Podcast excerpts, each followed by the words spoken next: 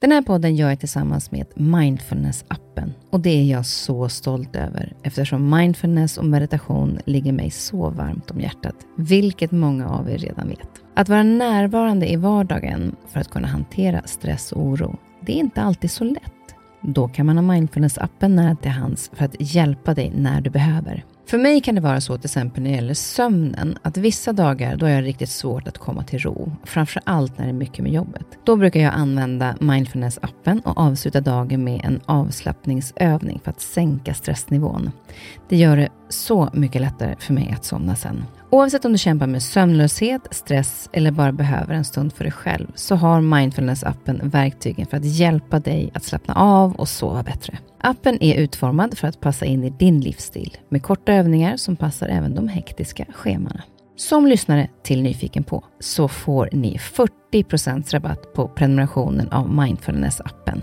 Länk till erbjudandet ja, det hittar ni i poddens Instagram, kaspersen nyfikenpa. Eller så går ni in på themindfulnessapp.com kristin. Välkommen till min podd Nyfiken på. Här får jag chansen att möta människor som jag är nyfiken på utifrån deras historia, kunskap eller erfarenheter. Människor som jag inspireras av och förhoppningsvis kan vi med det inspirera er. Och om ni gillar avsnittet får ni jättegärna dela det så fler får chansen att lyssna och det ger mig också möjligheten att få spridning på podden så att jag kan fortsätta länge att bjuda in människor till roliga och intressanta samtal. Glöm inte att du också kan gå in och prenumerera eller följa podden så missar du inte när avsnittet släpps. Han hade bestämt sig för att bli miljonär vid 20 års ålder och när han var 21 år så hade han tjänat sin första miljon. Var han lycklig?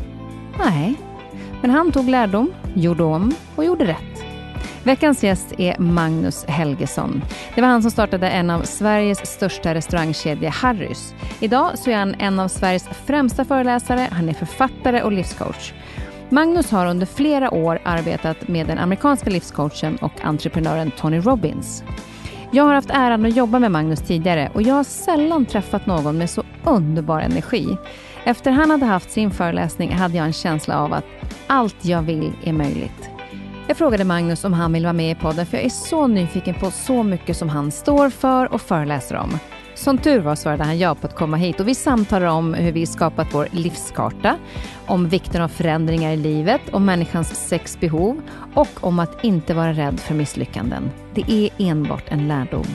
Ett långt samtal som innehåller så mycket, för oj vad Magnus är generös.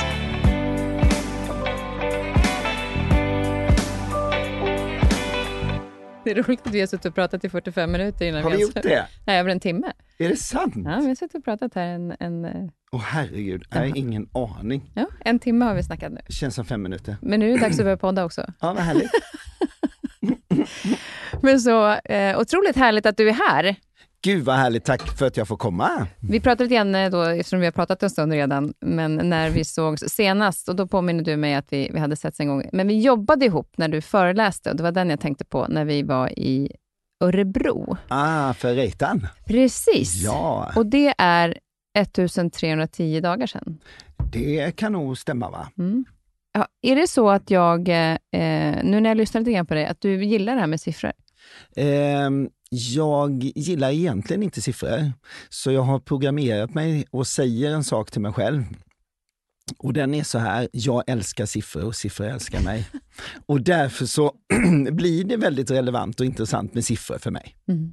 Därför att någonstans kan jag känna, eller jag har lyssnat på en del poddar och där kommer ofta de här siffrorna upp, att det var så här länge sedan vi sågs. Eller det var, mm. Och då tänkte jag så här, ja, det har ju gått bra för honom, så siffror måste ju kanske vara någonting man gillar då. Eller så ser man till att man gillar det. Jag hade en väldigt, väldigt bra lärare. Eh, han hette Ingvar Timason eh, på Falkenbergs gymnasieskola.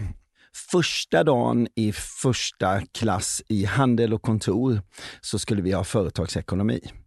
Han frågade första frågan så här, hur många här inne tycker om att bli lurade? Ingen räckte upp handen. Eh, och då sa han så här, lyssna då jäkligt noga nu. För nu ska jag visa er någonting. Det här är en resultaträkning, det här är en balansräkning. Om ni lär er detta så kan ingen lura er, är det förstått. Och alla bara, nu jäklar! Det här är vi, skitviktigt, det här måste vi lära oss. Så hela klassen kunde resultat och balansräkningar helt enkelt och debit och kredit. Och, och, det var tack vare en väldigt, väldigt bra lärare. Men det där är så intressant. En frågeställning en. gör sån otrolig skillnad. Oh. Är det någonting som du jobbar väldigt mycket med? Att hitta de här äh, tre frågeställningarna eller fem punkterna? Eh, för mig handlar det väldigt mycket om att hitta och skapa nya minnesspår. Så man agerar ju utifrån sin karta. Och när man letar efter de där nycklarna i, när man sitter one-on-one coaching, eh, då gäller det att hitta nycklarna där man frågar rätt frågor. För svaren finns ju alltid i frågorna. Mm. Ja, det gör de ju. Och det är där någonstans är, frågeställningen är extremt viktig. Men det är också en, en, du kan ju ställa en fråga och så sitter du kvar med massa tankar och så säger, svarar du någonting, men det är inte, du ska agera på dem också. Just det. Eh, och då måste man ju bryta mönster. Vi skapar ju ungefär 65 000 tankar per dag och 97 procent är samma som igår.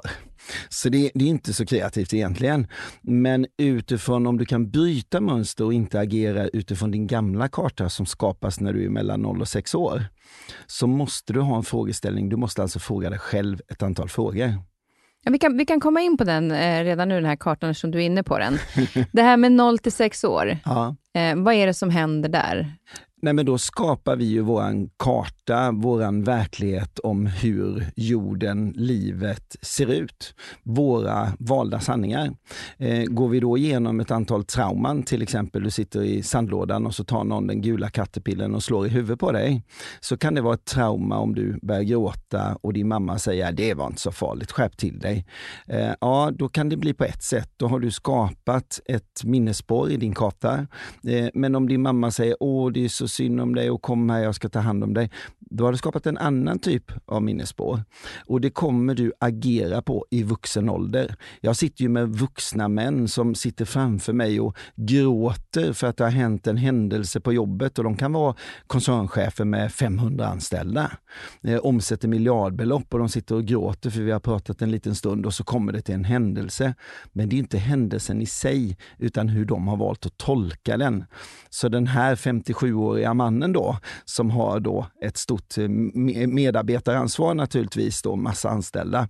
Han agerar som han var fem sex år. Eh, och det är inte den händelsen i sig att marknadschefen har satt in en felaktig annons i Dagens Industri. Det är inte det det handlar om, utan det handlar om att han är tillbaka i sandlådan och har gjort en felaktig tolkning.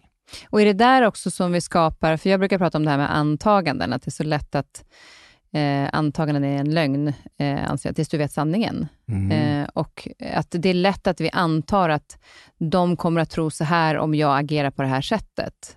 Mm. Eh, att... ja, ja, då menar du valda sanningar? Ja. ja så man, man, man antar och agerar utifrån valda sanningar. Jag tror att eh, den som jag ska träffa kommer uppfatta mig så här och så här. Mm. Ja, det är så, så du tänker? Ja, precis. För att om jag till exempel Eh, om jag träffar en ny man och så eh, kanske jag Det vore är trevligt. Ja, men det vore, det vore fantastiskt trevligt. Och säg då att jag eh, blir ledsen för någonting, men så vill jag inte börja gråta, därför att det sitter i mig att män har svårt att hantera när jag gråter. För att säga att min pappa, nu hade inte han det, men min pappa kanske hade svårt att, nej, gråt inte. Istället för att krama om mig och säga, det är okej. Okay. Mm. Och så vet man att man får gråta sen, sen går det över. Mm. Att det kan vara liksom att jag antar då, eh, då kanske jag gör det liksom lite mer omedvetet, men det är så lätt att vi faller in i den delen. Att det är så rotat i oss sen dess. Och det är ju skapat utifrån din karta. Och den kartan den, eh, den byggs ju på, så att den kartan kan ju faktiskt vara eh, så att den, det händer någonting när du är 15 år du råkar ut för trauma. Och då kan det ju vara en tolkning som du gör. Gråt inte nu för män tycker inte om när man gråter. För du har upplevt det någon gång och lagrat in det i kartan. Och de kan man bryta, de mönstren? Absolut, 100 procent. Men hur gör man det? Ja, om jag säger så här då. Det svåra är att göra det enkelt. Eh, jag har hållit på i över 20 år med att hitta tre frågor och, och, när, när man använder de här tre frågorna för att skapa nya minnesspår, då kommer du inte agera utifrån din karta, du kommer inte agera utifrån känslor, vilket betyder att du kommer inte göra handlingar som du i efterhand ångrar. Eh, och du kommer agera utifrån erfarenhet istället för känslor. Eh, och om jag nu säger de här tre eh, frågorna här nu, så, så kan det ju låta alldeles, alldeles för enkelt. Men om du klarar av när det händer en situation, för det är inte situationen i sig utan hur du väljer att tolka den som är viktig. Eh, om du klarar av att ställa en fråga riktigt snabbt till dig själv. I början behöver man träna på detta och man behöver ställa de här tre frågorna gång på gång på gång på gång. Men sedan så lagras de i det undermedvetna så att du behöver inte ens tänka, du bara agerar. Eh, och då händer en händelse, då är det första du ska tänka, vad betyder det här för mig? Fråga mm. nummer två, på vilket sätt är det en möjlighet? Och fråga nummer tre, hur ska jag ta action? Om jag klarar att göra det, då kommer jag skapa ett nytt minnesspår i neurokortex, i min hjärna, eh, som gör att jag kommer agera utifrån erfarenheter istället.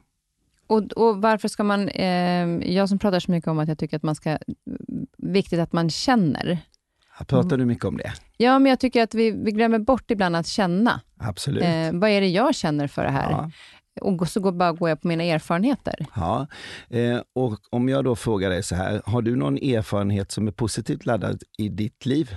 Ja. ja. Mm. kan du känna den känslan? Ja. ja. Kan du koppla den till en händelse? Nu händer det en händelse. Mm. Mm. Nu kan du agera utifrån erfarenheter med en positiv känsla. Just det, då fattar jag. För det är ju det någonstans att då, blir, då är ju, eh, erfarenheter och känslor kopplade till varandra. Absolut, men du kanske inte vill ha en negativ känsla i din kropp när du ska fatta ett positivt beslut.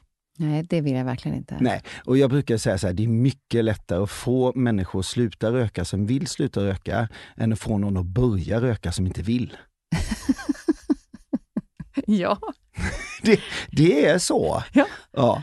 Och det, det, är ju så här att det handlar väldigt mycket om vad du sätter för attityd till mm. det du gör. Så sätter du attityden till att vänta lite, nu får jag nog skärpa till mig, jag får nog lyssna lite, för det finns ju faktiskt människor som går omkring och är lyckliga. Varför är de lyckliga när de kanske inte har fötts med mycket bättre förutsättningar? Och sen så finns det människor som föds med enorma förutsättningar som är olyckliga. Varför är de det? Allting föds ju först i tanken. Du får gärna utmana mig på den. Jo, men för det jag tänkte på, för du, du själv ville ju när du var liten eller ung då bli miljonär. Alltså, ja. och, och, då, och du tjänade första miljonen när du var 21. Ja. Men du var inte lycklig? Absolut inte. Jag har aldrig varit så olycklig i hela mitt liv. Nej. Och vad var det som gjorde att du inte var lycklig då? Jo, att, eh, att nå ett rationellt mål utan att tillgodose sina mänskliga behov är ett misslyckande. Och det var precis det jag lyckades göra, misslyckas kapitalt. Så rationellt mål, en miljon på kontot. Varför hade jag inte riktigt svarat på. Mitt undermedvetna hade redan talat om tusentals gånger för min hjärna att du är helt fel på det grabben. Men hjärnan gör ju bara en enda sak. Vad gör hjärnan? Tänker. Nej! Kom igen nu! Den jobbar ju som fasiken. Det är ju miljarder celler där inne som... Ja, vad som gör den? Vad gör den? Nej, men nu blev det, alltså, jag tänker ju med hjärnan. Okej. Okay. Den skyddar okay. dig. Skyddar den, den skyddar dig från fara. Ja, ja, ja. för att du ska så. överleva. överleva ja. Mm. ja. Så varje gång som jag, mitt undermedvetna, skickar upp en signal till mitt IQ. Alltså LQ är learning, mm. det finns i magen. Det finns 60 000 hjärnceller där, ganska starka kan finnas lite mer om man är alfa, men det, ja. Eh, och då skickar det undermedvetna upp till hjärnan och talar om, du är fel på det grabben. Men hjärnan, IQ, är starkt och säger, du, lyssna inte på den här skiten. Nu jobbar vi på, vi ska ha en miljon. Det är det vi siktar på.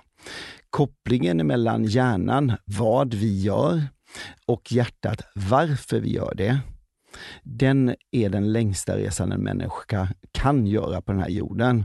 Och om jag förklarar det då, så, så var det så att jag såg ju ett tv-program på tv när jag var 10, 11, 12 år. Låg i trappan och tittade hemma. De trodde att jag hade gått och lagt mig, min mamma och pappa. Men jag tittade ner i gillestugan. Och det hette ju Pari Hjärter. Och i Hjärter hade ju då en karaktär som hette Jonathan Hart. Men framförallt så hade han en butler som hette Maximilian DuPoint. Och Maximilian han svarade i telefon, Family of Heart.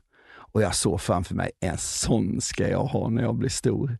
En butler som svarar i telefon. Den som ringde in, det var ofta en kvinna. Ofta hade hon ett problem på något ena eller andra sättet så var det någon elak fastighetsägare som skulle exploatera om området där hon bodde, så hon hade inte råd att bo kvar. Det berättar man för Jonathan. Jonathan sprang iväg till sin helikopter, flög iväg, floff, floff, floff, floff, floff, landade, gick ut, hjälpte den här kvinnan hur lätt som helst, flög tillbaka hem igen, floff, floff, floff, floff, floff, floff, landade, gick in mitt på blanka vardagen, öppnade en flaska champagne, plopp, och skåla med sin vackra fru. Bling! Att de hade hjälpt en annan människa. Och så stod det i vignetten att han var self-made millionaire. Jag hade ingen aning om vad det var. Men det ska jag bli. Det verkar bra. Man får en butler, man får dricka champagne mitt på blanka vardagen, man kan hjälpa andra människor, man får en vacker fru, man får flyga helikopter. Jag bara wow, det är bingo hela vägen. va. Och min mamma och pappa, alltså mamma jobbar i växeln på Falkenbergs kommun och min pappa jobbar som bilskollärare i 17 år. Så det är klart när jag gick omkring och sa I'm gonna be a self-made millionaire. För mig själv, en programmering helt enkelt. Stisse, min klasskompis, sa, menar du eh, miljonär? Ja, jag tror det, sa jag. Det blir ett jävla liv i skolan liksom. Min pappa fick komma och min klassförståndare försökte tvinga mig att ta tillbaka det. Det var inte okej okay att gå omkring och säga att man ska bli miljonär när man gick på Sjöbergstorpsskolan i lilla Falkenberg. Och så sa eh, min pappa bara, men ta tillbaka skiten. Nej, jag tycker det verkar jättebra. Man får en butler som svarar i telefon, man får flyga helikopter, man kan hjälpa andra människor. Ah, ah, ja, skitsamma, ha kvar det då, sa han. Så där började jag mot ett rationellt mål. Eh, och då fanns det ju fysiska saker där, som att ja, dricka champagne, det, ju, det, tycker jag fortfarande är väldigt härligt. Jag har mm. alltid champagne på kylning och älskar eh, La Belle Époque, världens bästa champagne by the way. Så eh, ja, det är ju en fysisk sak. Flyga helikopter är ju en fysisk sak. Så, va?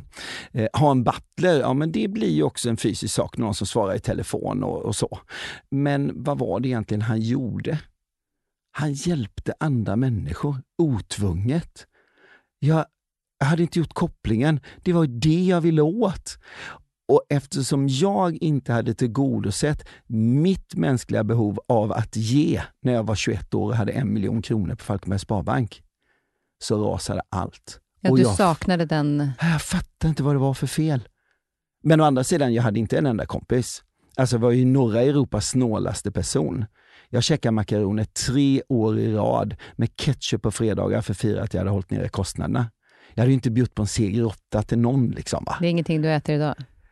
Makaroner ja. ja du gör det? Jag, jag tänkte att man tröttnar så mycket när man har käkat i tre år. Jag älskar Kungsörnen. Men då är de här mänskliga makaroner. behoven som du är tillbaka till, ja. vad är de? Ja, det, det, finns ju sex mänskliga behov och, och jag förstår ju inte varför man inte lär ut dem i skolan. För om man vet vad man har för mänskliga behov och dessutom om man träffar en livspartner, om man träffar en, en, en, en ny man till exempel då. Mm. Eh, Hintar på bra. Ja, ja, så är det ju en fördel om man vet att man matchar med minst tre av de sex mänskliga behoven. För om man gör det så kommer det hålla resten av livet. Mm. Och då kan man säga, vad har man för nytta av detta i business? För många är bara, hur kan man... Du, om du klarar att tillgodose mer än tre av de sex mänskliga behoven så har du en kund, gäst, klient som aldrig kommer lämna dig. Det är en av anledningarna när vi tittar på kritiska framgångsfaktorer. Hur kommer det sig att en liten pub och restaurang som jag startade i Falkenberg när jag är 23 år blir något som omsätter över 700 miljoner? Ja, 20 procent var produkt. Jag brukar säga till mina krögare, det finns andra som kan hälla upp en öl och steka en hamburgare. Och då brukar de säga, åh fan, är du helt säker på det? Ja, det är jag helt säker på. Sen har vi 20 procent enkelhet. Vem klarar att göra det enkelt? Vem klarar att göra det otvunget att gå över tröskeln? Det är okej okay med jeans, det är okej okay med gympadojor. Och sen kommer vi till 60 procent psykologi. att bemästra de sex mänskliga behoven. Kan vi tillgodose mer än tre i kombination så kommer vi ha en gäst som kommer tillbaka. Och då kan man ju fundera på när de stod och kliade sig i huvudet utanför våran första Harrys restaurang, när det låg en restaurang precis dörr i dörr och där kostade en öl 29 kronor. Men hos oss så kostade den 36 och man valde att gå till oss ändå. Ja, vi arbetade systematiskt med att tillgodose de sex mänskliga behoven. Och vid den tidpunkten så kunde jag egentligen bara fem, men eh, jag fick lära mig det sjätte av en fantastisk bartender. Eh, sedan så, så har jag fördjupat mig ganska mycket i det då. Jag har arbetat tillsammans med Chloe Madness och översatt allt hennes material eh, gällande Six Human Needs. Eh, och det finns också, du kan göra test på min hemsida på det. Mm. Ja, och, det, och Chloe är ju mentor till Tony Robbins sedan 30 år tillbaka. En fantastisk kvinna är rätt grym då, kan man tänka sig. Hon, är, hon kommer gärna hit om du vill. Ja. Eh, ja. för om du skulle vara nyfiken på, eh, vi pratade i telefon förra veckan, både jag och Tony och Chloe. Och, eh, hon är 72 år, hon är helt fantastisk. Hon bara, I would love to come to Sweden and help you people with human needs. Ja, hon är så ja, härlig alltså. Ja, ja, henne vill jag träffa. Ja, det ska du få göra. Men vilka, kan du säga vilka de här sex är? Nej, då, Nej. det går inte för då måste jag... Okej okay då. Eh, men det är, och, och då kan man säga, nu kommer vi också till det här, eh, kan det vara så här enkelt? Ja, det kan det. Eh, det första mänskliga behovet som alla människor har, det är behovet av trygghet. Och Det kan man manifestera på olika sätt. Då. Eh, om man bestämmer sig i sin verksamhet att tillgodose det behovet så är det ganska enkelt. I, I, min gamla verksamhet att bygga 46 restauranger runt om i Sverige och två i Thailand och supporta med 18 i Singapore så, så har det byggt på, ja men vänta lite, hur tillgodoser vi behovet av trygghet för våra medarbetare och för våra gäster? För gästerna är ganska enkelt synliga brandsläckare, synliga nödutgångar, ordningsvakten ska vara hel och ren och med bricka på och sådär. Ja, tillgodoser behovet av trygghet. Det behöver inte vara så mycket mer komplicerat än så. Och sedan så kommer vi till det som går rakt emot det. Och det är behovet av spänning. Och om vi pratar i relationer så kan man säga så här, i relationer opposite attracts. Så motsatsförhållandet kommer alltid attrahera. Så det är den punkten som kan spela en ett spratt i ett förhållande. Men det är också den punkten, behovet av spänning, som skapar dynamik, kärlek, passion, glädje, mm. allt det där. Sedan är det alltid likheterna som gör att det kommer hålla samman. Så Gud spelade oss ett spratt när han satte det behovet i människan med behovet av trygghet och behovet av spänning som går rakt emot varandra. Sen har vi det tredje basbehovet och det är behovet av unikitet. Att bli sedd. Och ja, För att göra lång historia kort så, så kopplar vi ihop det naturligtvis med mamman. För mamman är ju det första som ser dig eh, och det är också den som hjälper dig när du är hjälplös. Så eh, behovet av att bli sedd, oerhört starkt. Många är beredda att göra väldigt mycket för att tillgodose det behovet. Och Det är rätt intressant, för det vet jag många som jag träffat efter eh, det att mamma gick bort, så yeah. säger de ofta, jag träffade din mamma typ 30 sekunder, men jag kände mm. att hon mm. såg mig. Ja, hon, hon, hade ju den gåvan. Att, att, eh, och Det betyder att du behöver inte vara så lång tid. Mm. Alltså det kan, bara att se någon och verkligen blir sedd, så räcker det med 30 sekunder och så minns man det. Det, det är intressant när du tar upp din mamma där, för att eh, det behovet av att bli sedd, det har ju många artister som står på scen, många föreläsare har ju det. Men din mamma hade inte det behovet så starkt. Hon hade ett spirituellt behov som jag kommer komma till i slutet mm. och det var därför hon såg andra människor. Mm. Var det det behovet som du... Ja, vi, vi tar, precis, ja, precis så. Ja, nu är vi på tre. ja. Att bli sedd, det var den tredje. Och sedan så har vi då behovet av kärlek. I Sverige så, så, så säger vi, i, på engelska så heter det love and connection. Eh, och många förväxlar det med att det är kärlek som sexualitet, och, men det är inte det, den typen av kärlek vi pratar om. Utan vi pratar om kärlek, känslan av sammanhang. Att känna att du är med i ett sammanhang där någon tycker om dig. Du är omtyckt för den du är. Och det är ju det som, ja men det skulle jag nog säga att jag längtar mest efter. För att som en offentlig person också så är det ju väldigt Mm. lätt att bli sedd för det du gör. Exakt. Och Jag tycker generellt att samhället är väldigt prestationsinriktat, att vi glömmer bort vem människan är. Och det är ju grunden Mm, till självkänslan för att ändå kunna prestera bättre sen. absolut. Jag har suttit med många i one-on-one coaching som känner sig eh, ja, tomma för att de inte har hittat det här. Eh, och sen något halvår senare så ser man att det lyser i ögonen och då förstår man det har hänt någonting då. Mm. Eh, och då har de klickat in den boxen, eh, att de har fått behovet av kärlek tillgodosett i kombination med två andra. Men är det då att man kan eh, också känna den kärleken till sig själv? Att du- Absolut. Ja, för den är ju också väldigt viktig, för ibland kan det bli att du går och väntar på att träffa någon, att det är det viktigaste, men kärleken till sig själv är ju ännu viktigare. Hela cellsystemet talar ju om om du älskar dig själv eller inte. Och om du accepterar dig själv eller inte. För om du skjuter ifrån dig själv, då blir du inte attraktiv för andra människor. Nej. Det syns ganska väl. Det gör det. Mm. Nu tittar på mig sådär. Eh, ja. Jag ska se hans blick nu. Ni ser inte det, men jag ser det. Ja. Det var kärlek. Det är viktigt att inte släppa blicken. Mm. Mm. Och så har vi femte. Ja, och det är ett spirituellt behov. Det är behovet av att växa. Mm. Utvecklas, växa.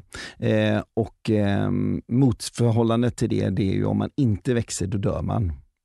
Och personer som har behovet av att växa väldigt, väldigt starkt, de hamnar i kriser när de känner att de inte kan växa längre.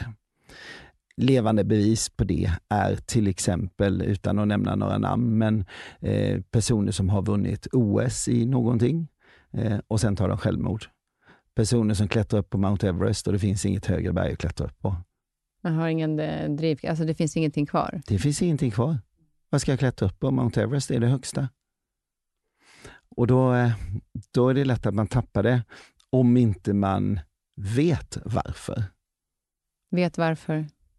man klätt, började klättra Ja, upp. men alltså just det, men, men vet vad, när du är där uppe så Ja. har du kanske haft det målet, att dit Ja. ska jag nå. Ja, Ja, men när du har nått det, då vet du ju varför. då måste du svara på frågan varför. Om du tänker dig nu att jag är 21 år, Ja. Ja.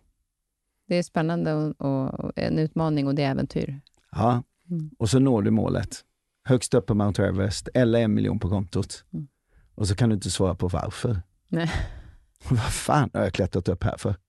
Ja, när sker de mesta olyckorna? När man klättrar ner. Mm. Det är så jäkla sant.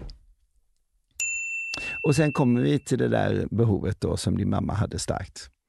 Och som jag inte förstod då att mitt undermedvetna hade försökt skicka upp till mig. Och det är behovet av att ge. Så hon hade behovet av att ge. Därför, om man träffade henne i 30 sekunder, så kändes det som att man hade blivit sedd. Men, men känner man alltid den? Jag, nu blev jag lite fast i det här, men jag tänkte på de här sex, när det gäller relationer. Mm. Du säger att det är tre som är nödvändiga. Ja, du måste toucha med tre. det Ja, går precis. Men det är kanske det som är mitt problem, för jag känner ju bara, ja men jag tycker ju självklart att alla de här sex ska vara där. Ja, men, det, ja, men du ska Så då kanske man har lite för, att, att personen i fråga ska pricka alla. Men det kan man ju faktiskt Det träna på. Så, så om du ställer för höga krav på din partner, så din partner ska ha alla de här sex i samma korrelans som du har, alltså samma frekvens. Eh, ja, det kanske du kan hitta. Det är nog en på så här 40 miljarder eller något du kan hitta den. Och skulle du hitta den så skulle det vara fullständigt dött. Det är ingen spänning då heller. Man har ingenting att Det- jobba på känner Det jag skulle då. vara helt dött för det är ingen dynamik, det är ingen Nej. kärlek, det är ingen passion. Även om de där mänskliga behoven är Om uppfyllda. de matchar till 100-100 procent ja. så säger jag så här, du och den här partnern du har hittat, du har 86,3 procents behov av trygghet säger vi. Nu har ju inte du det. Nej. Eh, nej, du har ungefär 24,6 behov av, av trygghet. Men om vi säger att du skulle ha eh, 24,6 behov av trygghet och så hittar du någon som har exakt 24,6 i behov av trygghet. Ja. Sen hittar du någon som har 84,3 av spänning. Du hittar någon som har exakt det. Så ni korrelerar med allting. 130 på kärlek till exempel. Då, ja, det blir ju inte... Då händer det ingenting. Det Nej. blir en flatliner. Ja, Precis. Men de kan ju finnas där behoven, men de behöver inte vara lika på samma nivå. Precis. Och de, de, om du matchar med tre så kommer de andra att samspela. Då kommer du lämna acceptans för de andra. Det som är olikheterna. Alltså det är ju superspännande.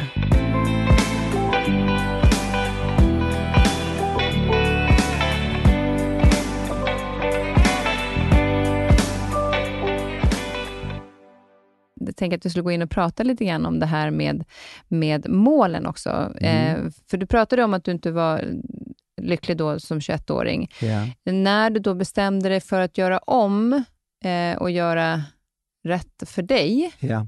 var det viktigt då att sätta upp nya mål, eller hur har du jobbat i, i din, för att hitta drivkraften Mm. framåt? Mm. Nej, men då kommer jag väldigt mycket till när, när vi pratar om mål, så att tänka tvärtom. Och det kan vara jättejobbigt att leva tillsammans med en person som säger som jag säger idag. Eh, jag skiter i det här med pengar. För jag vet att det är rationella målet. Om det är så att man vill ha mer pengar, då kan man fixa det om man kan psykologin bakom. Det är jätteenkelt. Det är inte det livet handlar om. Utan mina nya mål som jag satte upp var att hjälpa så många människor som möjligt att inte hamna där jag hamnade. Och om det fanns människor som har hamnat där jag hamnade, att hjälpa dem därifrån. Coach betyder ju buss. Då måste du hämta upp dem på rätt busshållplats. Så mitt mål blev ju mycket större än så. Det blev att hjälpa så många människor som möjligt. Det leder till storhet. Och det tillgodoser behovet av att ge. Så det, var ditt, det blev ditt nya mål. Det har varit i 30 år och 231 dagar. Jag älskar din räkne, ditt räknesätt. Det som är intressant där också tycker jag, att det här med att du säger det här målet och att det har pågått så länge. Eh, många är väldigt målfokuserade och ser liksom mållinjen. Eh, och vi hinner inte riktigt med resan dit, Nej. utan vi tappar det på vägen. Mm. Hur skulle du tänka, eller vilja liksom att man när man sätter upp ett mål, är resan, jag brukar prata om att jag tycker att resan är lika mycket målet som själva målet i sig. För att om jag missar resan, så vad fan har det för betydelse? Att jag når toppen. Det är så roligt när du säger det. Min pappa säger alltid resan är halva nöjet. Ja, Han startade ju resebyrå sen för att han, blev ju, han fick inte tjänstledigt en vecka så han blev förbannad och sa upp sig och då var det kris hemma. Och, och, och han gjorde över tusen bussresor då, hade åtta bussar som mest. Men eh, han sa alltid resan är halva nöjet och den har jag kopplat på direkt, liksom bara njuta av det liksom. ja och det, jag fick jättemycket hjälp av det när jag eh, gjorde Let's Dance. Ja. För att jag hade fått frågan tidigare och då hade jag bara sett liksom typ Let's Dance-hus och så stod det tävling ovanför dörren. Mm. Jag bara, jag är inte intresserad av det. Nej. Därför att jag är jobbig som tävlingsmänniska, inte för andra men för mig No själv. shit. Alltså, och ska jag stå ut med den här personen i flera veckor? Nej, det gör jag inte. Så jag sa alltid nej till det. Mm. Men då ett halvår efter det att mamma hade gått bort så fick jag frågan igen. Och då hade jag bestämt mig för att göra saker som är roligt. Mm. Och då tänkte jag att det finns ju en annan ingång där, där det står kul. Mm. Så jag går in i den dörren istället. Ja. Och det, för mig, jag var så närvarande i varje, Det märktes. i varje vecka. Det Och det var, ja, men vad roligt, men för det var ju många som var så här, nej men du kommer till henne där. Det här ligger hos dig. Det är din tanke. Jag är den här veckan. Och sen, så när jag stod på trappan när de, i finalen och de skulle läsa upp min så kände jag bara så här, fast jag har ju redan vunnit. Jag har varit med varenda vecka. Ja. Varenda vecka fick jag. Ah.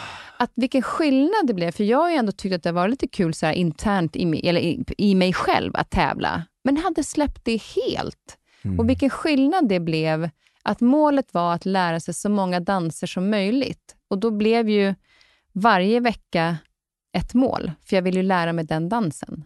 Så det blev ju kanske flera delmål då istället. Men du hade ju faktiskt då lagrat de tre frågorna vi pratar om.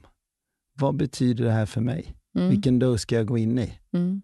Ja, på vilket sätt är det möjlighet? Hur ska jag ta action? Fullt fokus, helt plötsligt så står du där och bara shit, jag är i final, jag har ju redan vunnit. Spelar ingen roll om jag får den där skon eller inte. Jag är ändå en vinnare. Mm. Ja, det var ju de tre.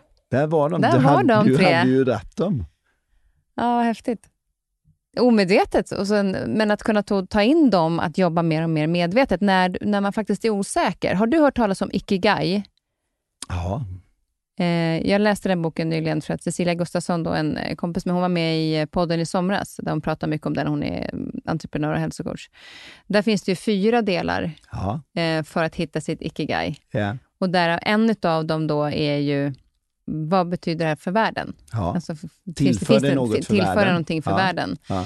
Eh, och jag har märkt bara när man tittar på det, nu vet inte jag, och det kan jag känna mig lättast. Ja, det är många som sitter hemma och blir und- får underhållning. Så Ja. att det tillför ju någonting. Så det finns ju många olika sätt. Och varje projekt jag tittar på nu, så är nästan det den viktigaste punkten. Mm. Och när den saknas, då är det ju helt platt. ja då det helt Då spelar det ingen roll att det är någonting jag älskar, någonting jag är bra på eller någonting jag kan tjäna pengar på. Så där är ju den här ge-faktorn. Ja, i den centrum på den Ikigai, Mm. så, så den, den är ju röd i originalet och så är den ju guld utvändigt. Och det, det kallas ju kall. Det finns ju i ditt DNA. Redan i det prematura stadiet, alltså när ägget blir befruktat och första organet skapas i kroppen, som man inte pratar om i skolan. Mm. Och när det gör heart loop och ligger mellan C2 och C3 här bort i nacken, Koterna. Mm. ja, är en nanomillimeter högt som ett litet rör. Och så gör det heart loop på 21 dagar. Höger och vänster kammare skapas. Och så manifesterar det liv. Boom! Genom att pumpa runt sitt eget blod. Och då kan man ju fundera på, var kom det hjärtslaget ifrån? Mhm. Det kan man undra. Det kan man undra. Man får många funderare när du sitter här. Ja, det är härligt. Ja. Mm. Men, ja, men vad spännande, åter tillbaka till det här till målet. Ehm, hur tror du att det liksom, är det någon skillnad där på män och kvinnor skulle du säga? Med målinrikt, eh, hur man ser på mål?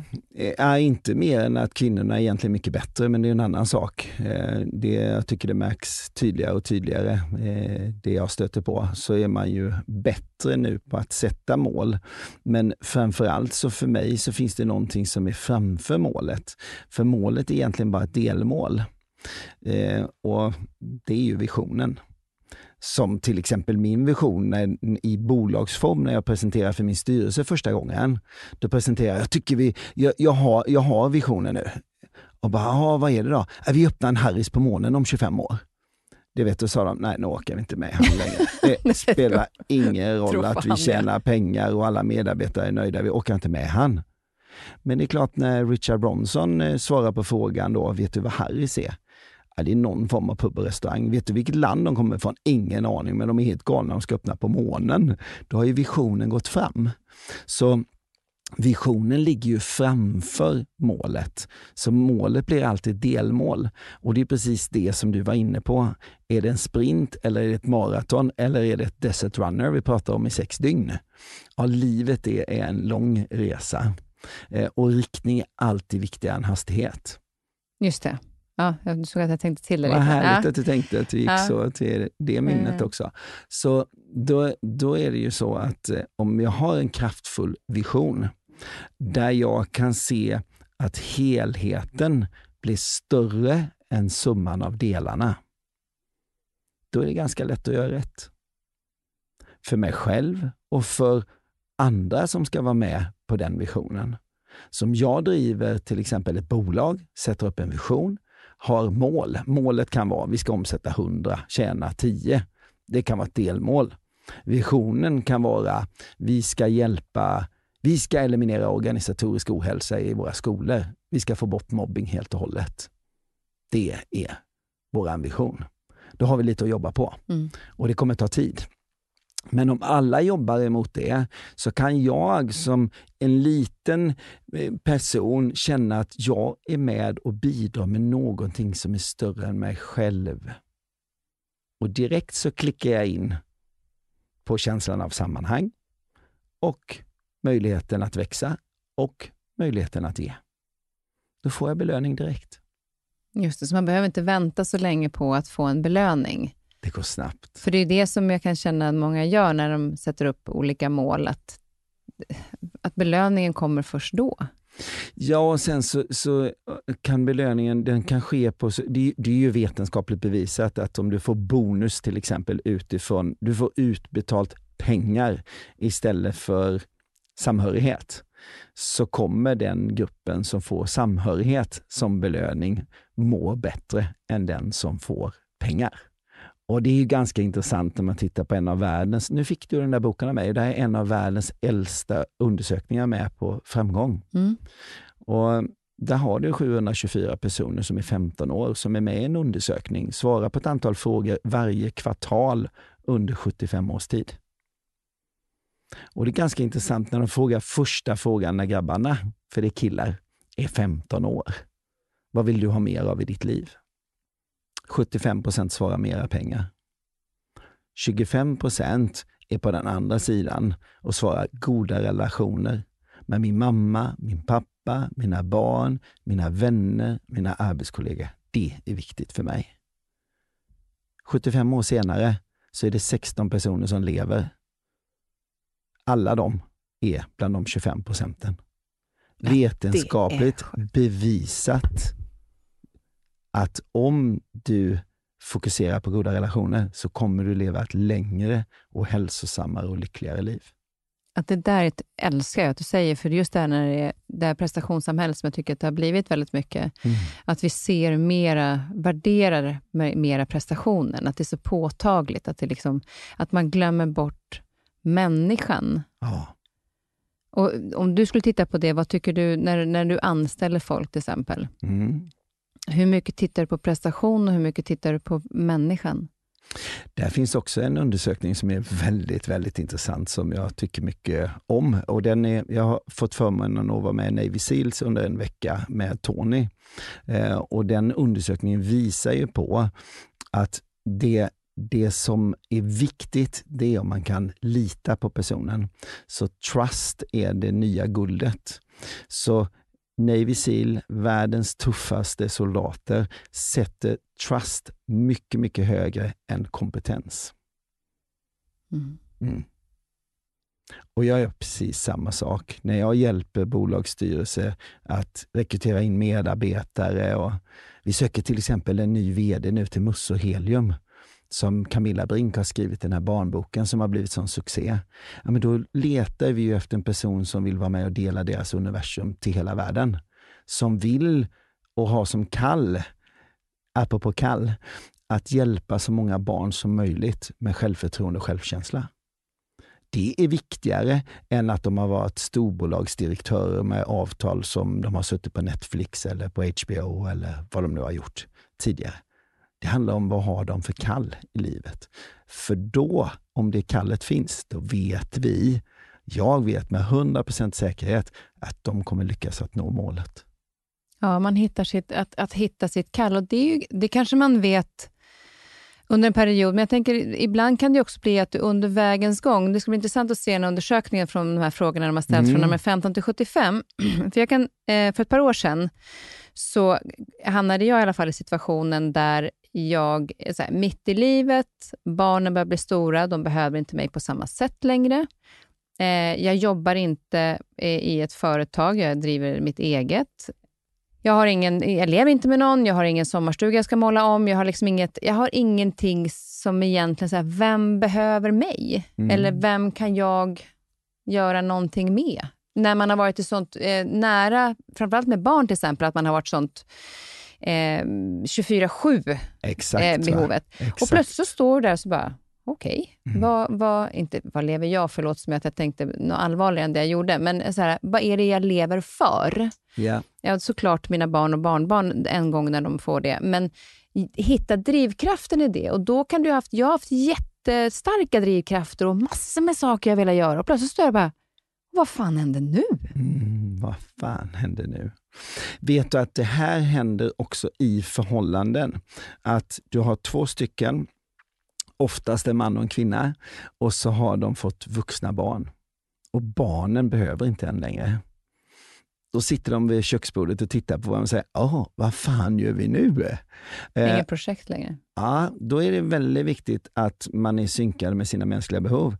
För då om mannen vill ha balkongpaketet, så han vill åka på chartersemester, sitta på en balkong på Mallis i en vecka och dricka bag-in-box. Det vill han göra. Men eh, kvinnan har behovet av spänning.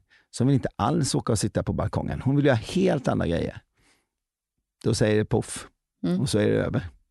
Så där måste man synka under resans gång. Eh, men det är klart, när du säger så Men här... fan ska jag synka med då? När det blir, ja, med mig själv? och, och verkligen när det är så, du har det här behovet, så starkt behovet av kärlek. Eh, det är inget konstigt, utan det är bara så. Eh, och då är det ju klart att då blir du ännu mycket tommare i ditt inre universum när du inte tillgodoser det. Vad fan ska jag göra nu? Jag har ingen att måla sommarstugan med.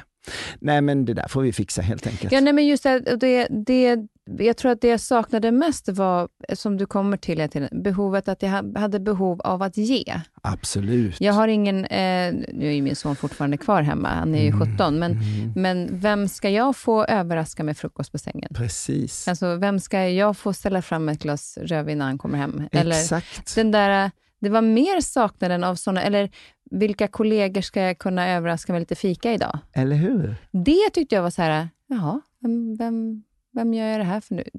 Fast det är ju så kul att du nu sitter och säger detta, vilket betyder att du har tagit det ifrån ditt undermedvetna till ditt medvetna. Nu behöver du bara fråga tre frågor. Så ska du få se Ja, vad som det. händer. Ja, jag använde faktiskt lite nöra-metoden för att Ja, försöka hitta förstå. mitt önskade läge. Det kan jag förstå. Vart är jag nu? Och så här, för att Mm. hitta någon form av struktur. Och det, det funkade faktiskt eh, ganska bra. Det, Eh, det men- funkar väldigt, väldigt bra att göra det. Ja. Eh, jag kan lägga ut några, vad det är för någonting på Instagram den här veckan. Du kan, du kan få en länk till Ifshak som är uppdaterad variant på Norra. Mm. Då får du med framtid eh, väldigt kraftfullt. Ja, men då lägger jag in den länken i, i, eh, på Instagram. Ja, Toppen. den, Nu visar du massa färger. Actions coach, hjälpstopp. Där har du. det här är mina original coachingkort. Åh, tack. Varsågod. Där har du Ifshak, eh, alla frågor som man använder i coachingkort när man sitter one-on-one. Det är de frågorna som man måste ställa. Det är, ehm, ja, tagit Ja, vad 20-25 kul. år att få fram de frågorna. Svarar man på de frågorna, då gör man kraftfulla Vart kan man hitta de här korten då, om det är fler som är nyfikna? Eh, det där är mina original. Jag tror inte jag jag har dem ens som, eh, som eh, ja, men digitalt. Jag kan skicka dem digitalt så kan du dela dem. Ja, men då kan jag bara visa det Ja. på, på Instagram så man ser vad, vad, är, vad det är jag får här. Nu ska du få eh, originalet till eh, också Ifshak då som är det mentala coachingprogrammet som, som jag använder när jag inte kan träffa människor live och sitta i fyra timmar och fråga de här frågorna. Det tar ungefär fyra timmar att fråga dem och få svaren. Eh, och det skapar stora förändringar. Men jag har ju ett digitalt program där man kan gå in och, och beställa en mental coachingutbildning och göra det själv på 21 dagar. Då gör man stora förändringar i livet, det kan jag lämna garanti på. Ja, och det är där någonstans jag tycker att det är så viktigt att komma fram till att, att, att göra förändringar, det är ju, eh, eh, vad säger man, i Eat, Pray, Love, Ruin is the road to transformation. Absolut. Och att förändringen är jobbig i sig, kan den vara. Men Mm. Inte alltid, men den kan vara jobbig. Om man tänker en skilsmässa, att det är ju rörigt. Men Absolut. förändringen är ju till för att det ska bli någonting bättre. Och kan man hitta de här nycklarna till att det liksom är lite lättare, för det var det som kom till på, på Bali, när, när eh, jag var på ett sånt här um, eh, retreat. Eh, och eh, då säger Dr. Rajo som var där, Mm. Life is easy. We make it complicated. Mm. Och jag bara, vad fan säger han? Mm. Det är inte så jävla lätt. Superirriterad gick därifrån. Sen bara, tror jag att det två minuter. Mm, ah, han har så rätt. För att vi stökar ju till det för oss Ja, istället för att sortera ner det ja, och använda, ha de här verktygen, ha de här tre frågeställningarna ja, så, och träna på dem. ja. För det är lätt att man glömmer. Det svåra är att göra det enkelt. Och, och ehm, alltså i allting så, så varför ha en affärsplan på 39 sidor när man kan ha en på en? Ja, och den gjorde du. Va, va, Det är liksom varför? och jag kan fortfarande inte förstå, jag vet knappt hur man skriver en affärsplan överhuvudtaget. Nej. Men vad skulle du säga, hur många, hur många sidor var de här affärsplanerna du läste innan? Nej, den var ju på 39 sidor Ja. och så tog jag ner den till en då. Och den byggde ju på Jim Collins teorier kring hur man skapar framgångsrika verksamheter. Han gör ju en jämförelse, jämförelse på 500 bolag på Fortunes lista, varav 15 tjänar 15% mer än de andra 485 bolagen i 15 år i rad. Och han svarar ju på varför. Så jag tog hans 256 sidor och tänkte så här, hur kan man göra detta enkelt? I och med att jag läste boken sex gånger på engelska och jag tänker på engelska, pratar på svenska. Det är samma nu när vi sitter och pratar, så när du säger de här engelska orden. Nästan allting som jag har lärt mig inom personlig utveckling har jag lärt mig på engelska. Konvertera det så att det blir kommunicerbart för en person som bor i Sverige. Så när jag har varit i Indien i tystnad i två veckor och du har ett antal munkar som pratar hela tiden, så lagras ju de här rösterna in och så konverterar jag dem till svenska. Så det svåra är ju att göra det enkelt. Jim Collins svarar på varför de här framgångsrika företagen blir framgångsrika. Och om man vill förenkla det så kan man säga att det handlar om 85% ledarskap. Inga chefer, de bolagen dör. Ledare får följare och ledare bemästrar svensk, då, de mänskliga behoven. Och Vad gör du för skillnad på chef och ledare? En chef borde ju vara en ledare, tänker man ju. Ja, men chefer får eh, inga följare. Utan eh, chefer pratar om jag, ledare pratar om vi. Chefer pekar med hela handen och säger gör så. Eh, ledare säger hur tycker du att vi ska göra?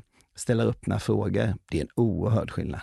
Skulle du säga att, eh, för jag tänker på det här med att, eh, att man är bra på att leda sig själv först innan man leder andra. Ja. Eh, är då det en typisk skillnad kanske lite grann på en chef och en ledare? Att chefer kanske inte är superbra på att leda sig själva innan för att de är... Det är klart att de inte är, de har inte tränat. Nej. Och sen är det ju så när du tittar på ledarskap så är det så här 85 procent av ledare, framgångsrika ledare, stora framgångsrika ledare. Om vi tar Barack Obama till exempel, för att göra det väldigt enkelt då, eh, så har de blivit inspirerade av en annan ledare. 5% säger, jag är född ledare. Det är bara 5% som säger det. 10% säger, jag var tvungen. Bolaget, familjefirman höll på att gå i konkurs. Jag var tvungen att ta ledarskapet. Men 85% säger inspirerad av en annan ledare. Pay it forward. Mm. Allt du kan om ledarskap. Ledare, de delar med sig. De håller inga hemligheter och säger oh, det är bara jag som kan det här. Nej, de delar med sig. Så fort de lär sig någonting så delar de med sig. Skulle du säga att det är en av de viktigaste punkterna som ledare? Absolut. Mm. Jag tänkte, vad gör en bra ledare? Där har du att dela med sig. Och sedan då om vi pratar vision, mission, kärnvärden, värderingar, how we do things around here, så är ju eh, ledarskapet, det odlar ju kulturen. När jag har intervjuat, jag har intervjuat 508 framgångsrika eh, personer. När jag intervjuade Valerie Oberly, då var hon vicepresident för Disney World i hela världen. Hon hade svarat rätt på en fråga när hon var 16 år till Walt Disney. Han frågade Valerie, Valerie, why do we sell those balloons over there? Och hon kunde svara på, jo, vi säljer de ballongerna där borta för att när man åker Parishjulet som står framför oss här, när man är längst upp, då ser man ballongerna. Och då säger man till sin pappa eller mamma, jag vill ha ballonger. Och då säger pappan eller mamman, det är klart du ska få ballonger. Sedan går man ur Parishjulet, går tillbaka, vad händer då? Oj, de säljer popcorn. Det ska vi ha. Oj, det var ett stånd med glass. Det ska vi ha. Oj, nu vill pappa ha en öl också. Det var visst ett ställe som hade kall öl här i värmen.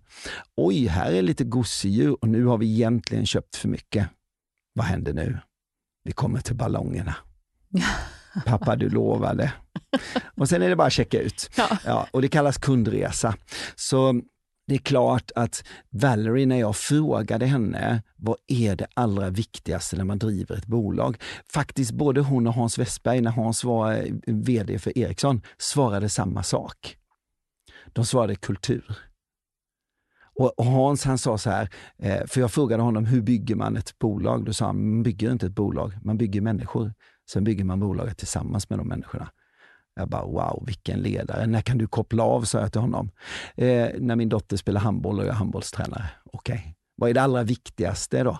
Då vände han på passerkortet, där var alla hans dotterbolags vd i 72 länder tror jag de hade.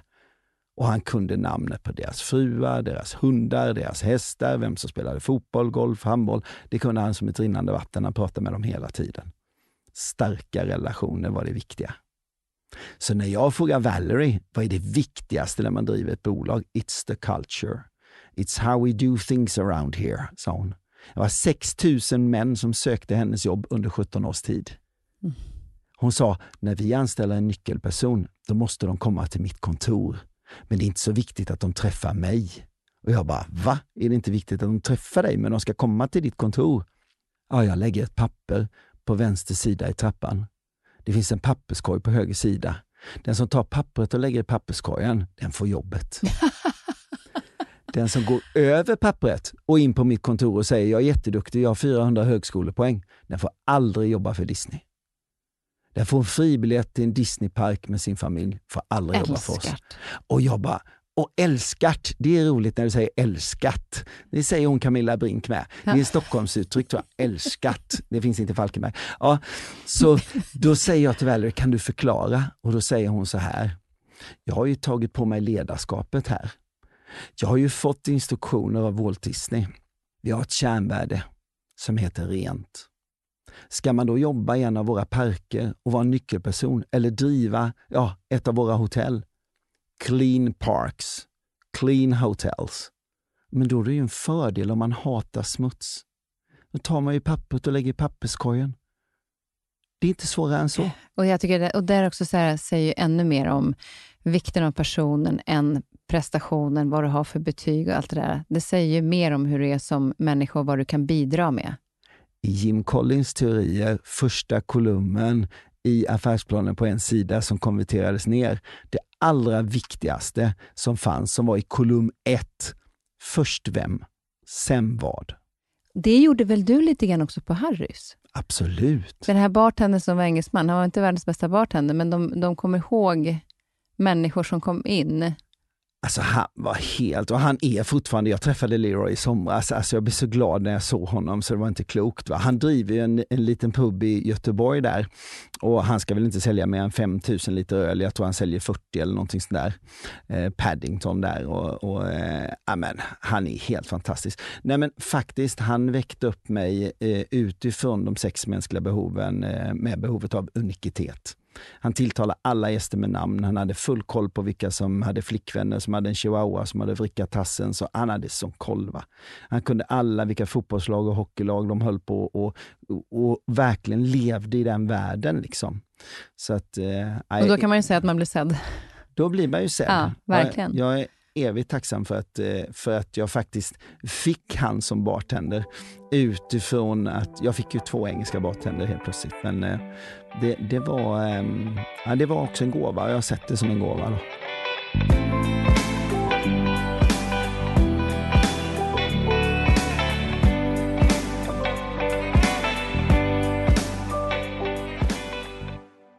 En annan sak jag tänkte på, vi var inne på Tony Robbins förut. Mm. Eh, kan jag inte låta bli att undra, hur, alltså, hur kommer man... Det är ju en människa som vi, väldigt många skulle vilja träffa. Mm. Hur kommer det sig att du blev så nära honom? För du åkte över och lyssnade alltså egentligen var det lite grann, eh, ja, det är någon mening med allting, men det är ju ändå en slump. För att eh, när jag bestämde mig, liksom, jag satt ju med Kjelle och Thomas Enhager och, och vi hade kört sju år ledarskapsutbildningar. För att, jag, eh, att lära en krögare någonting, det är ju som att söka valla katter. Det går ju inte, de kan ju allting redan. Så jag var ju tvungen att lära dem ledarskap. Och, och då har jag alltid modellerat mästare, titta på vem är bäst på det i Sverige? Ja, det var Kjell Enhager och Thomas Enhager. Och jag träffade ju Kjell när jag var 19 år. Jag fick en gul biljett med nummer 21 på. 21 är fortfarande mitt turnummer. Ja, igår kväll så träffade jag Börje Salming igen och, och, det var också ett fantastiskt eh, möte då att få, få träffas. Vi har inte träffats på 8 år och 32 dagar. Så det var ett fantastiskt möte. Men eh, då frågar jag ju Kjell och Thomas, all den här skiten som ni lär ut, var kommer det ifrån? Och det, de läm, alltså, min uppfattning var att man, man får ju inte verktygen. Man, man, får ju någon som ritar och det är tuschpenna på det där blädderblocket och grejer och så, men fasken, jag vill ha lite mer. så va. Nu delar ju de med sig jättemycket av sina, så jag ska inte säga så, men eh, och Nöra-modellen är fantastisk, mm. eh, som nu heter Nöra Fo och det är ju väldigt intressant, för Kjell har ju lagt till följa upp. Och det bygger ja. ju på en, en undersökning på hjärtpatienter som 85 eh, av alla som blir hjärtopererade får ju information innan om att de inte ändrar sitt bete beteende så kommer de att dö. Och det gör de ju, för de börjar ju käka alldeles för mycket sen efteråt och de börjar ju röka och allt möjligt. Men så fanns det en klinik, jag tror det var i Chicago, som Kjelle hittade, som hade omvänd statistik. 90 procent av dem som gjorde hjärtoperationerna ändrade på sitt beteende och de levde mycket, mycket längre. Och han tog reda på varför. Och det var just det som han hade lagt till i Nöra FO, då, följa upp. De hade en person som ringde och sa, du, eh, nu har ju du eh, opererat hjärtat här och vi har bytt den här eh, åtabågen och den här hjärtklaffen och så. Och du vet det att nu om du börjar röka igen så kommer du faktiskt att dö. Äh, vad fasken, kanske inte ska börja röka då va? För innan är de beredda att göra vad som helst, men efter så ändrar de sitt beteende. För de är inte tillräckligt hårt programmerade till att det beslutet de har tagit, så de går in och sviker sig själva. Men när de fick uppföljning, så han har ju lagt till FO på den, det är ju väldigt bra tycker ja, jag. då. verkligen. Jag tänker direkt på när jag jobbade med Biggest Loser, för då hade de ju det eh, ett mål och att, ja. önskat läge och att de agerade på det. Mm. Men sen faller de ju tillbaka, för det Alltid. finns ingen som följer upp. Eh, det är därför efteråt. det finns ett vitt kort där tycker, jag måste säga det, de här korten han har lämnat till mig, det har han lämnat i ett, i ett eh, hotell. så du ser vilket hotellrum, ja, vilket hotellrum du har. Är det konferensrummet eller hotell? Eh, ja, ja det ser ut som ett hotellrum. Ja, Rum, rumsnummer. Eh, jo, men Tony Robbins, du åkte i alla fall över dit då, när du blev nyfiken på liksom, det som var bakom ja, Enhager. Alltså, då, då, kan man säga så här, att då, då kom ju de med en massa olika eh, sådana namn som jag aldrig hade hört. Så här, Robert Dills, eh, Zig Zaglar, Jim Rohn, Tony Robbins det bara rasslade så namn och böcker och shit jag måste köpa alla böcker, jag måste, oh fan jag vill ju lära mig allt. Och jag hade ju fått en gul biljett när jag var 19 år. Ja, nummer 21 på. Stadsteatern i Falkenberg. Min före detta svärfar, han kom med den här biljetten och sa, det här verkar flummigt, det kan du gå på. och jag bara, ja då gör jag väl det. Så gick jag där, 19 år. Och det var Kjell Enhage. Ja. Eh, och jag bara, fasken det här var bra. Så sa han att, eh, att man kunde prova hemma. Så eh, ja, då provade jag det han sa. Funkar det här med NLP och funkar det här liksom, eller är det bara bullshit då? Och då sa han att prova att spruta lite vim i dörrkammen hemma på lägenheten när du kommer hem. Så när din flickvän kommer sen så kommer hon tro att du har städat. Så jag hem och sprutat i dörrkammen, satte mig i soffan och så kom hon ju då. Jag hade inte gjort ett skit. Hon bara wow, alltså du är fantastisk och du har plockat i ordning här och allting. Så jag bara wow, den här skiten funkar. Jag ska lära mig allt, du vet. Så jag, bara, jag ska lära mig allt om detta. Och sen så ifrån 19 år till att Kjelle satt i min styrelse fyra och ett halvt år och jag och Thomas har gjort säkert 50 uppdrag tillsammans där vi tar folk över glödande kol och sådär så, så kom den här frågan då. Och, och, då kom det ett namn där som inte jag kände igen. Det var Tony Robbins. Så jag bara, vem är det? Levde han på 1600-talet eller vem är det? Liksom? Nej, nej, nej, han är en sån coach. Liksom. Han, han är, och så börjar Thomas kolla i sin data, bara, han föreläser i Singapore på torsdag. Ja, då drar vi, så.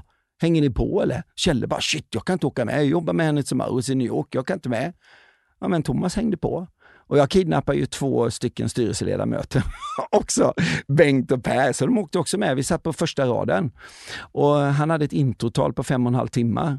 Och då kom det där liksom att börja med någonting som är bra för dig och sluta med något som är dåligt. Och jag bara, vad fan ska jag sluta med som är så jävla bra?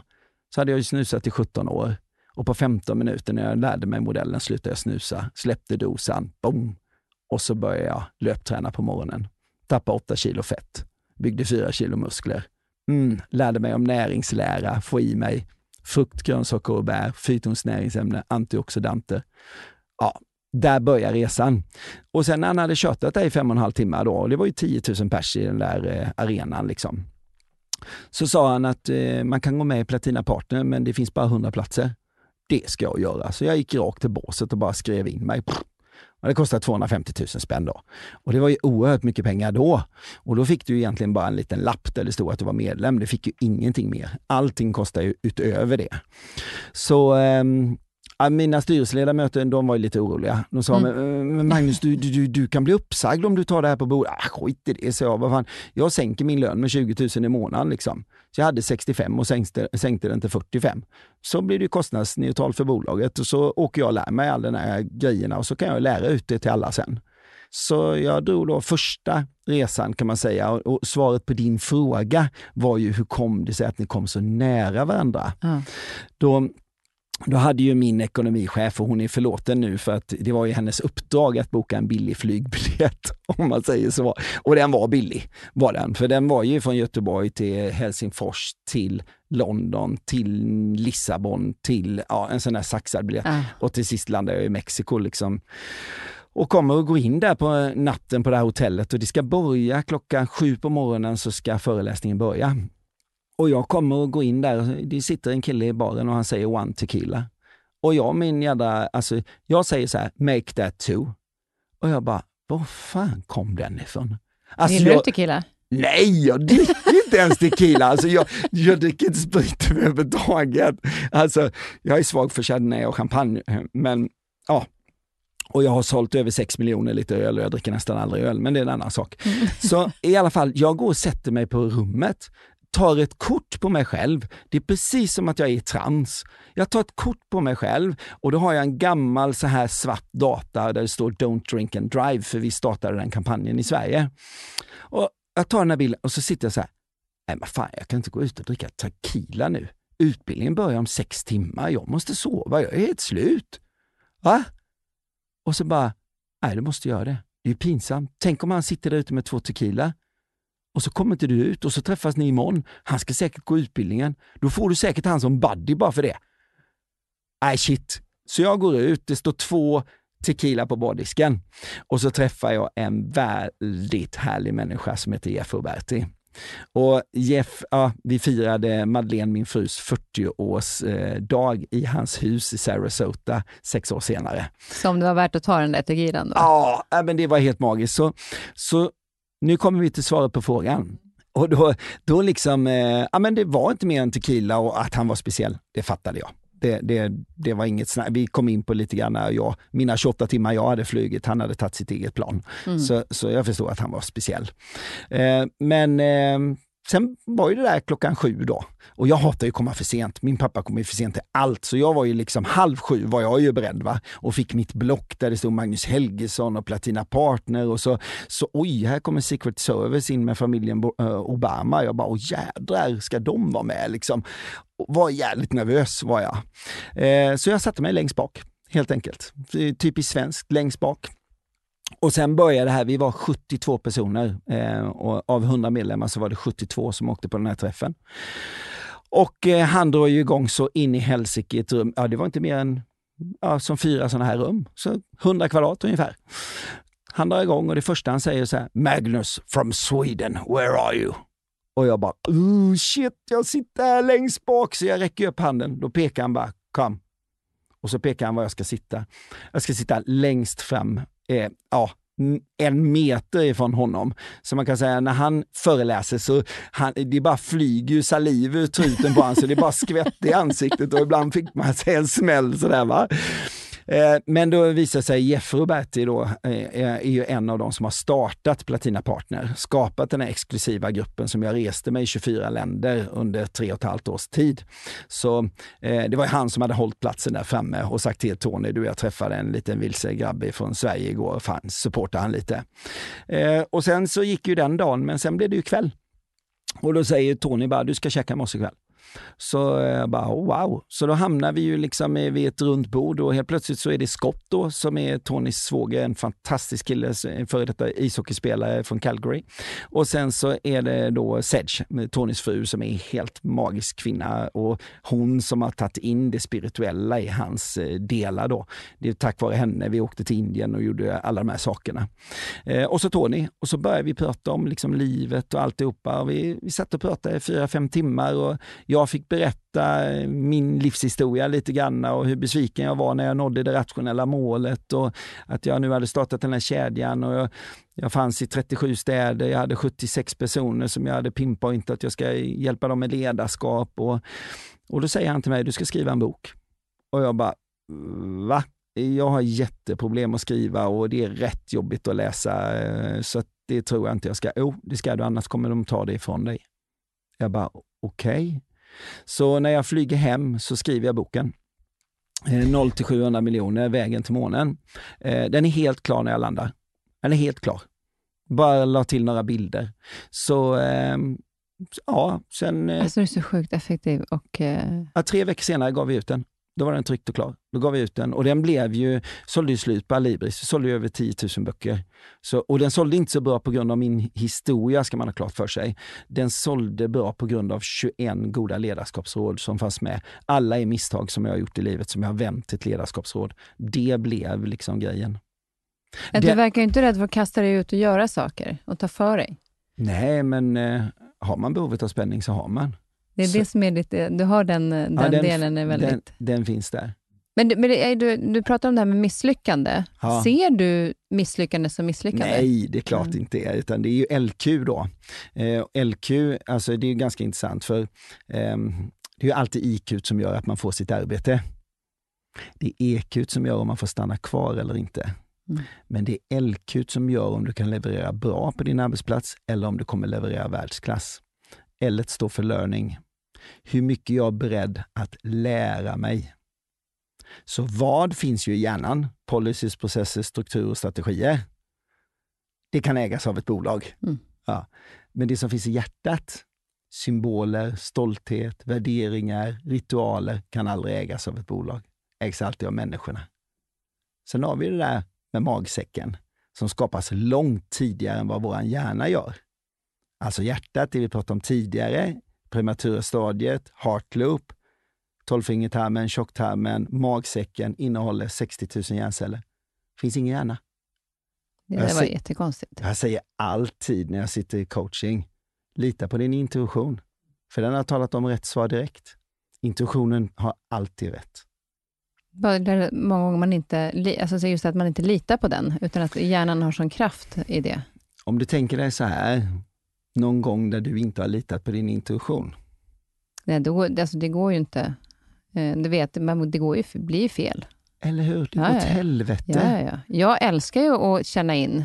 Eh, det är, det är därför jag pratar mycket om det här med känslor, det här kontra erfarenheter som vi pratar om.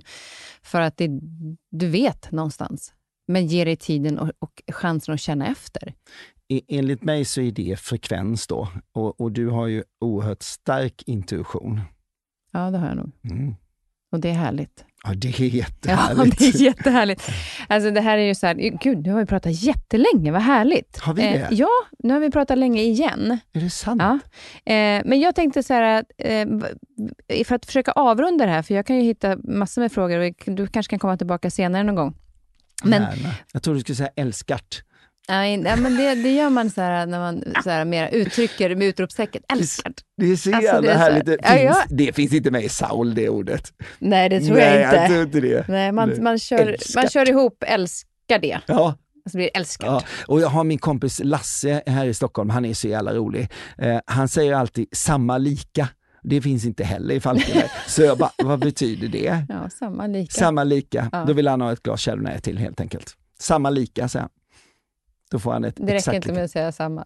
Nej, nej, samma lika. Samma lika, ja. okej, okay, då är det definitivt. Ja, det, det, det är som man säger i Norge, punktum finale. Då är det, liksom, ja, men det är så här utropstecken. Ja, då, är... ja, då, då ska du få en sista då. Den ja. är från svärfar i Getinge, produktionschef på Getinge Industri under många år och brandman. Måndag åtta dagar. Måndag åtta dagar? Mm. Det är alltså inte nu på måndag utan nästa måndag. Ja, men alltså den är ju jättebra.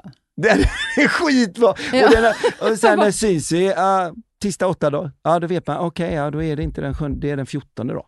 Alltså så bra. Ja. Jag älskar sån här. Älskat. älskat. älskat. Älskat att du har varit här. Gud, nu skulle vi kunna prata om vad du är nyfiken på, så, men det får vi ta nästa gång. Alltså jag är så nyfiken på hur det här kommer tas emot mm. eh, och jag är så nyfiken på feedbacken på det. Ja, och det ska jag ge dig. Härligt. Ja, och nu ska vi avsluta med en låt som du eh, den, den plingade till igår kväll. Ja, det var ju men det är då meningen med allting. För att då såg jag att du var vaken och hur såg jag det? Jo, du var aktiv då. Så nu är hon aktiv där, okej. Okay. Och samtidigt som det händer så flummar jag till och kommer på tangenten och då kommer den låten den börjar spela. Senast jag spelade låten så var det på Fiji inför Platina Partner hemma hos Tony Robbins och alla bara wow, det är en världsartist. Vem är det? Vilken röst, vilken låt? Wow! Och så kom den igår kväll. Och då är det inte så konstigt att vi ska spela den nu.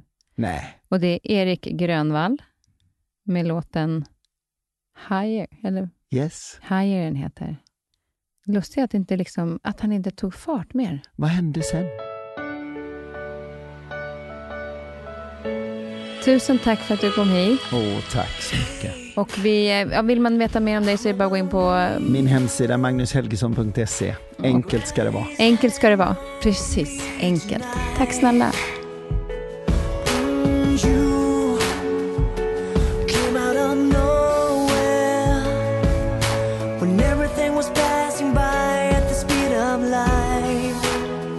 I nästa vecka träffar jag min vän Ebba Lövenskiöld.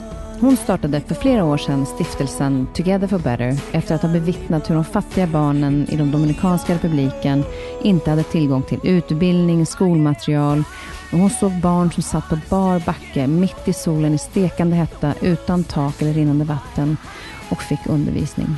Ebba började med insamling. Idag så har hon byggt flera skolor, sett till att de får skolmaterial, sportprylar och målet är att skolorna ska klara sig själva.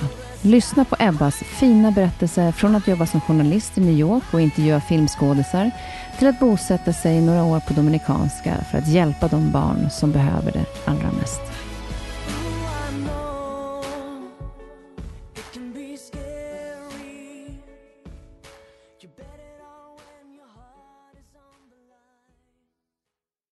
Den här podcasten är producerad av Perfect Day Media.